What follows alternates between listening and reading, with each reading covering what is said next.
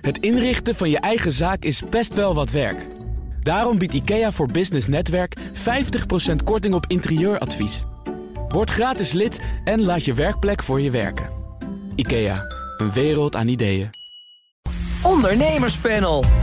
Nederland dacht met Lightyear de nieuwe Tesla in de handen te hebben. En toen ging het bedrijf failliet. Kan het na de doorstart de belofte van rijden op zonne-energie alsnog waarmaken? En Nederlandse werknemers snakken naar meer vrije tijd... en zijn zelfs bereid om daar salaris voor op te geven.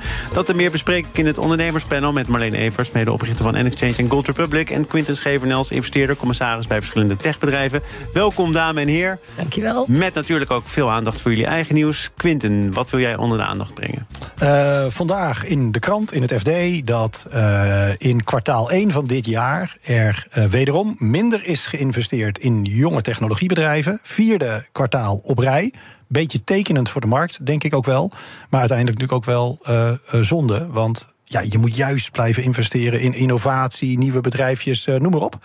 Daarbij wel opvallend dat het percentage van de investeringen dat gaat naar impactbedrijven, bedrijven die bezig zijn met duurzaamheid, dat is juist gestegen. Dus dat vond ik dan wel weer positief. En wat, wat merk jij in je eigen portefeuille, je eigen portfolio? Nou, ik merk zelf dat ik ook echt wel uh, kritischer ben waar ik investeer. Dat zie ik ook veel omheen bij andere investeerders. We zijn toch wel uh, nou, sinds een maand of twaalf een beetje terug op aarde qua waarderingen, nou noem maar op. En wat mij ook wel opvalt, is dat meer van de bedrijven waar ik geïnvesteerd heb, tot nu toe dit jaar ook meer moeite hebben om hun eigen targets te halen. Dus dat gaat allemaal een beetje moeizamer. En wat zegt dan Quinten Schevernels? Want dat roept ook vragen op natuurlijk. Hoe krijgen we het weer vlot getrokken? Ja, ja nou, wat er dan heel specifiek zit, is als het moeilijker is om funding op te halen. En als je als uh, jong technologiebedrijf moeite hebt om je uh, eigen targets te halen, dan ga je dus sneller door je geld heen. Want je bent minder qua omzet aan het groeien dan je had gedacht. En het is moeilijker om nieuw kapitaal op te halen. Dus dan kan je wel voorstellen dat ik als aandeelhouder zeg van oké, dan moet je even heel kritisch gaan kijken naar je kosten, je groeiscenario. Want je wil niet hebben, wat in dat artikel in het FD ook werd genoemd, dat je nu einde van dit jaar per se funding moet gaan ophalen omdat anders je geld op is. Is al wel bij verschillende bedrijven gebeurd. Ja, ja, nou, ja we gaan dadelijk over Lightyear hebben, maar dat wordt dan wordt wel echt heel moeilijk dan. Dus dat noemen we runway. Hè. Hoeveel maanden cash heb je nog? Daar kijk ik nu veel kritischer naar dan ik een jaar geleden Maar als je heel veel op je kosten gaat letten, en ik snap dat het nodig is, dan mag dat natuurlijk niet de primaire bedrijfsprocessen ook echt raken. want dan nee. breek je het weer in de knop. Ja, maar we komen een beetje van een markt waar het echt ging om groei, groei, groei. Niet om winstgevendheid. En nu gaat het nog steeds om groei, groei. Maar wel op een wat gezondere manier. Dus dan maar wat minder hard groeien. Maar wel zorgen dat je je kosten enigszins onder controle hebt. Marleen, reactie? Ja, ja, we gaan eigenlijk van de unicorn naar de camel. En dat vind ik eigenlijk wel een hele mooie vergelijking. Echt, uh, um, ja, waar het voorheen uh, wilde iedereen die unicorn hebben. Nu wil iedereen die kameel hebben. Uh, die uh, eigenlijk zichzelf in leven kan houden en gewoon lekker door kan werken. waar het toch wel aan kan. en toch nog. Bijvoorbeeld. Ja. ja.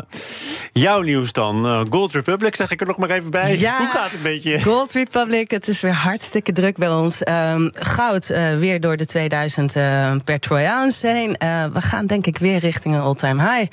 Er hoeft maar iets te gebeuren, een rentebesluit wat uitblijft... of uh, nou ja, wat onrust in de markt. En, en we vliegen weer naar boven. Dus het is een markt die, ja, we zien het aan alles. Het is extreem druk bij ons. Mensen zijn zenuwachtig. En ja, ik, nou, iedereen zegt altijd, oh, dat is goed voor de business. Dat klopt. Ja, dat is goed voor de business. Hè? Ergens maar, anders uh, men de tranen. En ja, helemaal, nee, helemaal lekker zit het me zeer zeker niet. Uh, want uh, ja, er is wel denk ik een hoop waar we ons zorgen over kunnen maken. Het zit je niet lekker, maar het is toch ook gewoon inherent aan wat je doet. Op het moment dat het ergens anders onrustig is. Nee, is. kijk, ik ben altijd blij dat we in deze tijden mensen kunnen bedienen. Dat ze alsnog kunnen beleggen buiten het financiële systeem. Dat ze fysiek edelmetaal kunnen aankopen. Wat net zo opgeslagen liggen in professioneel beheerde kluis. Dat, dat ben ik blij. Dat doen wij. En we proberen die service zo goed mogelijk te verlenen. Maar de reden waarom, er zijn altijd twee redenen om te beleggen in goud. Je hebt de love reden. Weet je, mensen kopen als ze gaan trouwen of als ze over hun toekomst na gaan denken. Maar je hebt ook de heet kant van het uh, beleggen in goud. En dat is als iedereen echt het vertrouwen verliest in uh, wat er op dit moment uh, aan het gebeuren is. En dat is, dat is wat je nu heel erg ziet ja, tuurlijk uh, hebben wij daardoor veel omzet. Maar uh, ja, wat mij betreft uh, hebben we gewoon weer lekker een groeiende economie. Geen korte runways mm. meer voor de techbedrijven. En kunnen we gewoon vooruit. Quinten, oude economiestudent. Mm. Jij volgt het ook op de voet. Zeker. leest ja. de krant. volgt de macro-economen die hier ook regelmatig mogen aantreden. Ja. Sommigen van hen zeggen, nou, er is best kordaat opgetreden door de Fed en in Zwitserland. En de ECB houdt het in de gaten. De ergste paniek lijkt wel voorbij. Ja. Ben je gerustgesteld? Nee, nee, de ergste paniek lijkt wel voorbij. Maar ik ben niet gerustgesteld omdat ik me gewoon enorme zorgen maak over die enorme hoeveelheid geld die is gecreëerd en de schulden en hoe je dat kan financieren. En ik, ja, ik, heb, ik kan er niks anders van maken op deze Goede Vrijdag.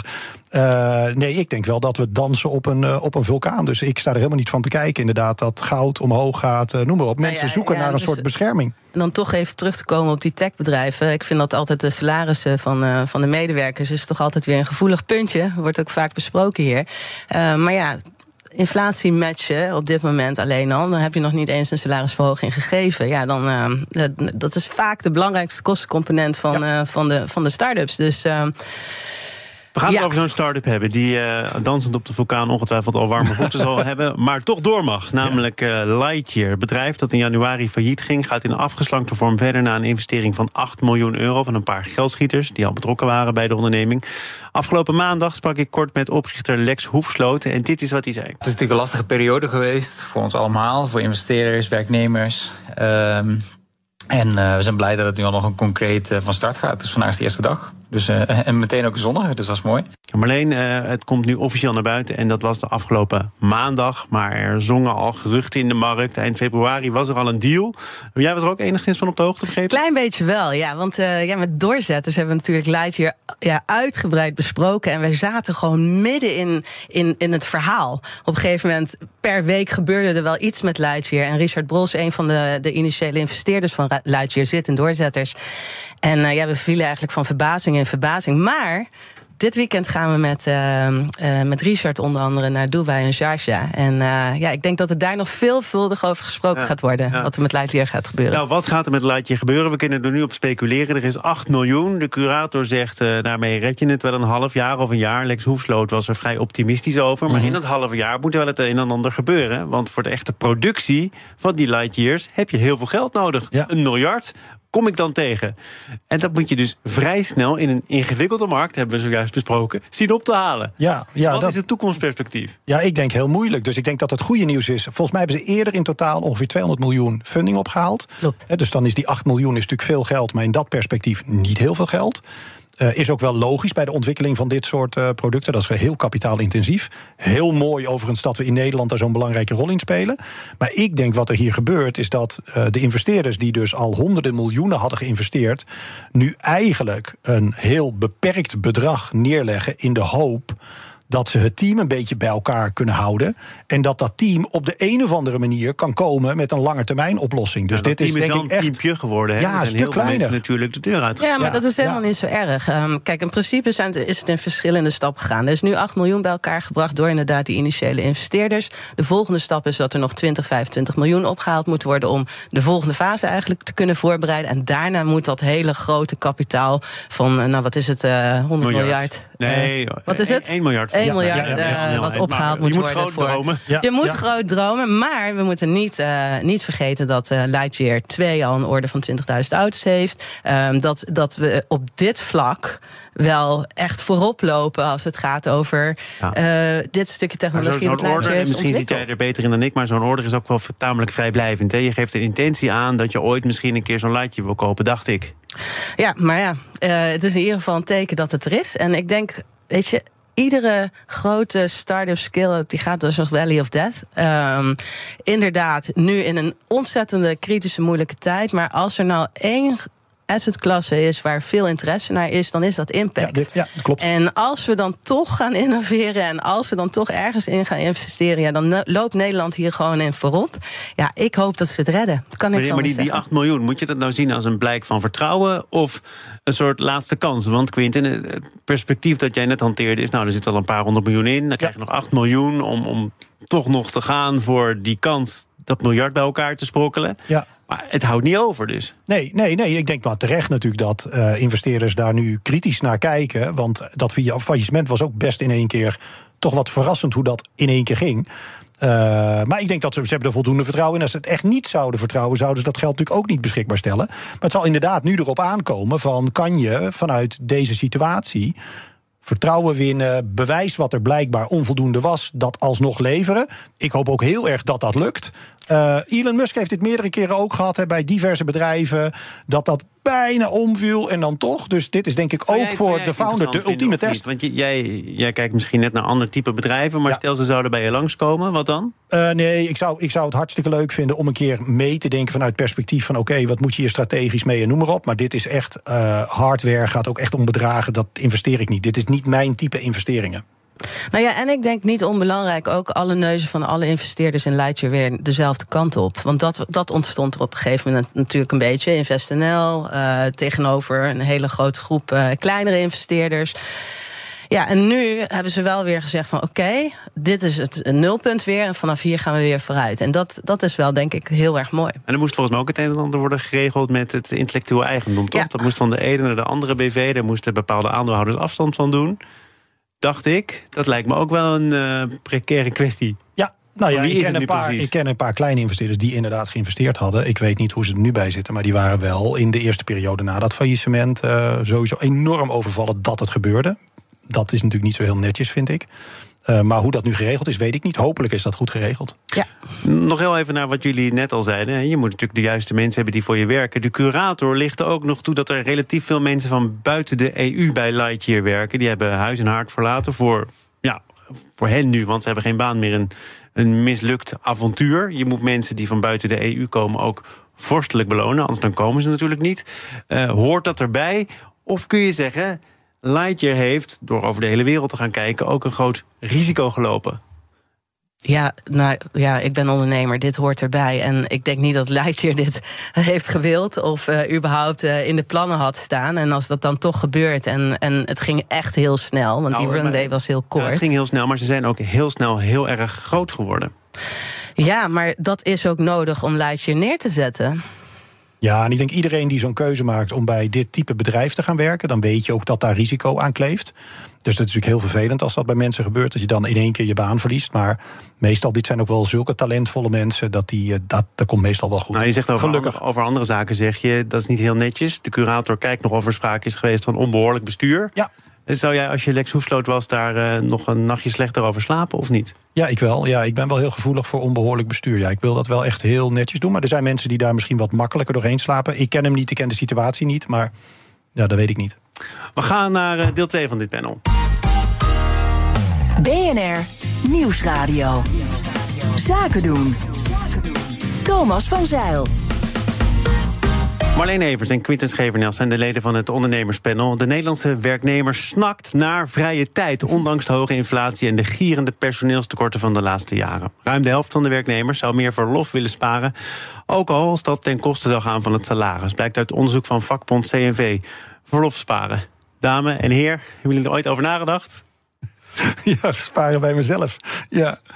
Uh, ja, ik snap dat het in ja, jullie geval een beetje ingewikkeld is. maar jullie hebben natuurlijk te maken met ook uh, mensen die uh, vanuit een andere generatie komen en andere prioriteiten stellen. Maar alleen we hebben dit gesprek al een keertje eerder nee, op een ik vind het een hele gehad. grappige, want ik heb in ons team, ze hebben er drie van de generatie Z zich in de afgelopen twee maanden gemeld dat ze in plaats van drie dagen weer vijf dagen willen werken. Dus ik zie de, de omgekeerde wereld. Oh, is dat bij Gold Republic? en NXChange. Oh, ik ja. namelijk, het gaat zo goed. Ja. Nee, nee, nee, nee, ook bij NXChange, absoluut. Dus um, dus ja, ik denk, ik denk het belangrijkste is om ook goed te kijken... wat is nou de motivatie van het feit dat iemand minder wil gaan werken.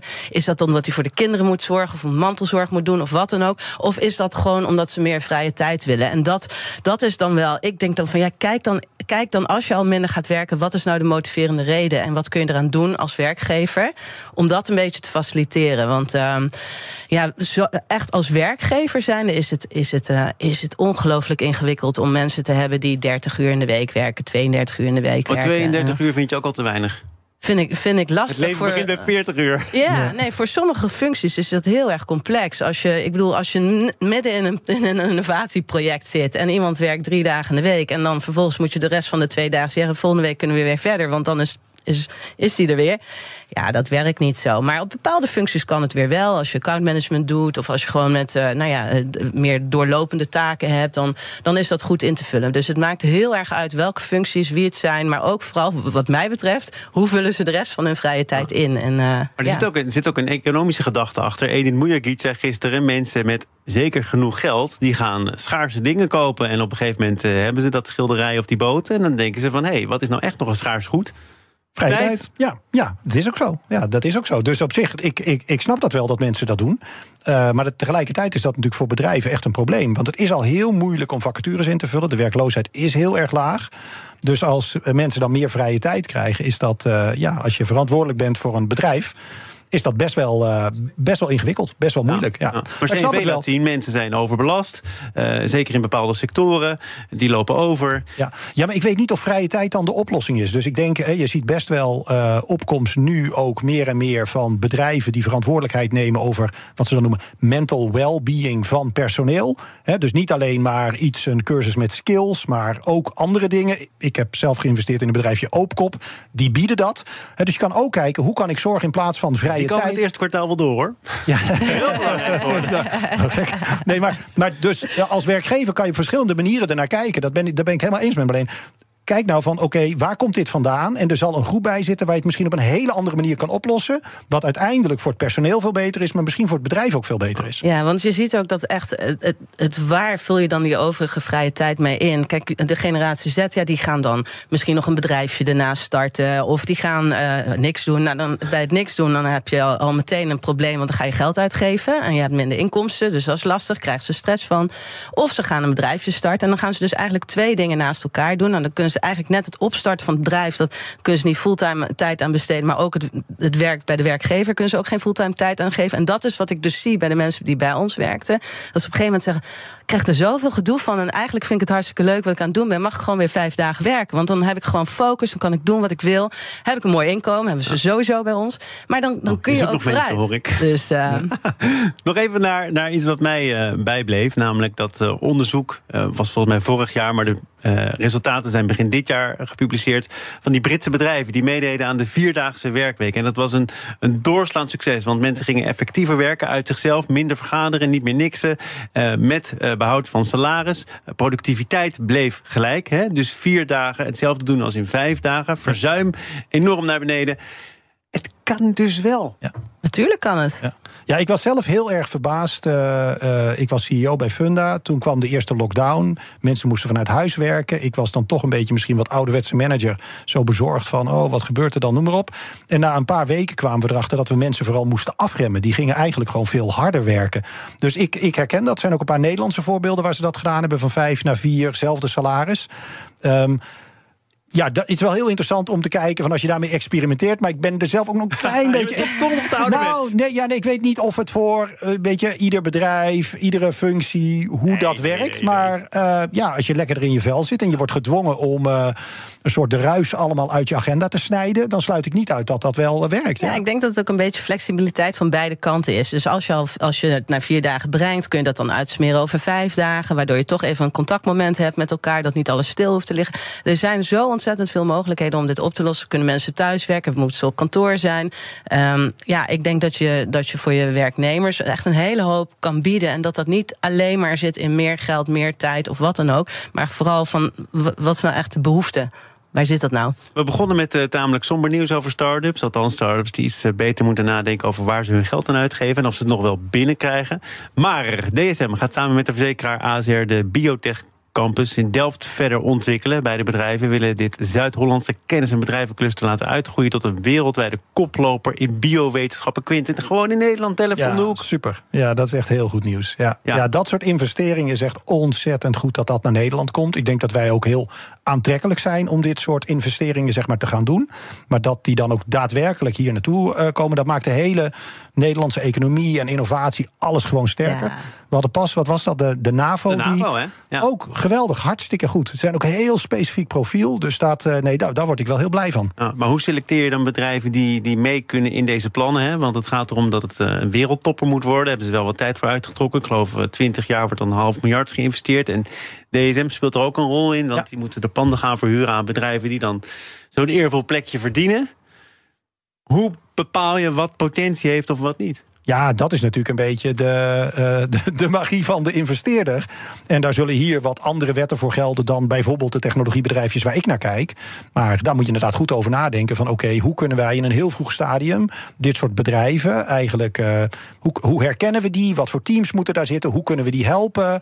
Dat, dat moet je echt organiseren. Maar daar ga ik ook vanuit dat hè, dit zijn zulke serieuze bedragen, dat daar ook echt gewoon een team komt te zitten die die verantwoordelijkheid krijgen om dat, uh, om ja. dat te gaan doen. Ja, ik, echt en ik zit zelf ook niet zo in de biokant. Maar um, als je nou bijvoorbeeld naar uh, de Philips Campus kijkt in Eindhoven, ja, dan, dan zie je dat zo'n ecosysteem echt werkt. Er zijn accelerators, er zijn venture builders die daar rondlopen. Dus, uh, dus ruimte, uh, faciliteiten, cleanrooms, et cetera, waar die start-ups toegang toe krijgen, waar ze ge gebruik van kunnen maken. Ja, en dan zie je echt zulke mooie bedrijven ontstaan. En dus het is niet alleen maar geld. Nee, natuurlijk, er moet de infrastructuur, er moet de community, er moet van alles opgebouwd worden. Maar ja, ik ben ongelooflijk trots hierop. Ik vind het zo tof. Dat, dat, dat geeft aan dat Nederland, dat kan dat dus gewoon. En dan mag je dus ook best uitspreken dat je hoopt dat je de beste van de wereld wordt. Ik vind dat je, dat, dat je ja. enige ambitie moet zijn. Ja. Ja, dus je moet ook spelen in de markten waar het ook aannemelijk is dat je dat kan worden. En dat betekent dat in diverse markten, sectoren, daar heb je als Nederland niet zozeer een rol te spelen. En in een heleboel andere sectoren wel. En daar moet je volop inzetten. Ja. Ik uh, dank u beiden zeer voor de bijdrage aan dit ondernemerspanel. Marleen Evers van N-Exchange en Gold Republic... en Quinten Schevernels, investeerder, commissaris bij techbedrijven. Dank, tot snel weer. Dit panel is ook te beluisteren als podcast. Abonneer je vooral even via je favoriete kanaal of via de BNR-app. Zometeen is het woord aan twee kerstverse start-ups, want er wordt gepitcht. Blijf luisteren. Een kleine update maakt een wereld van verschil.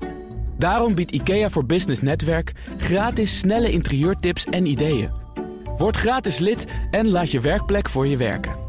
IKEA, een wereld aan ideeën.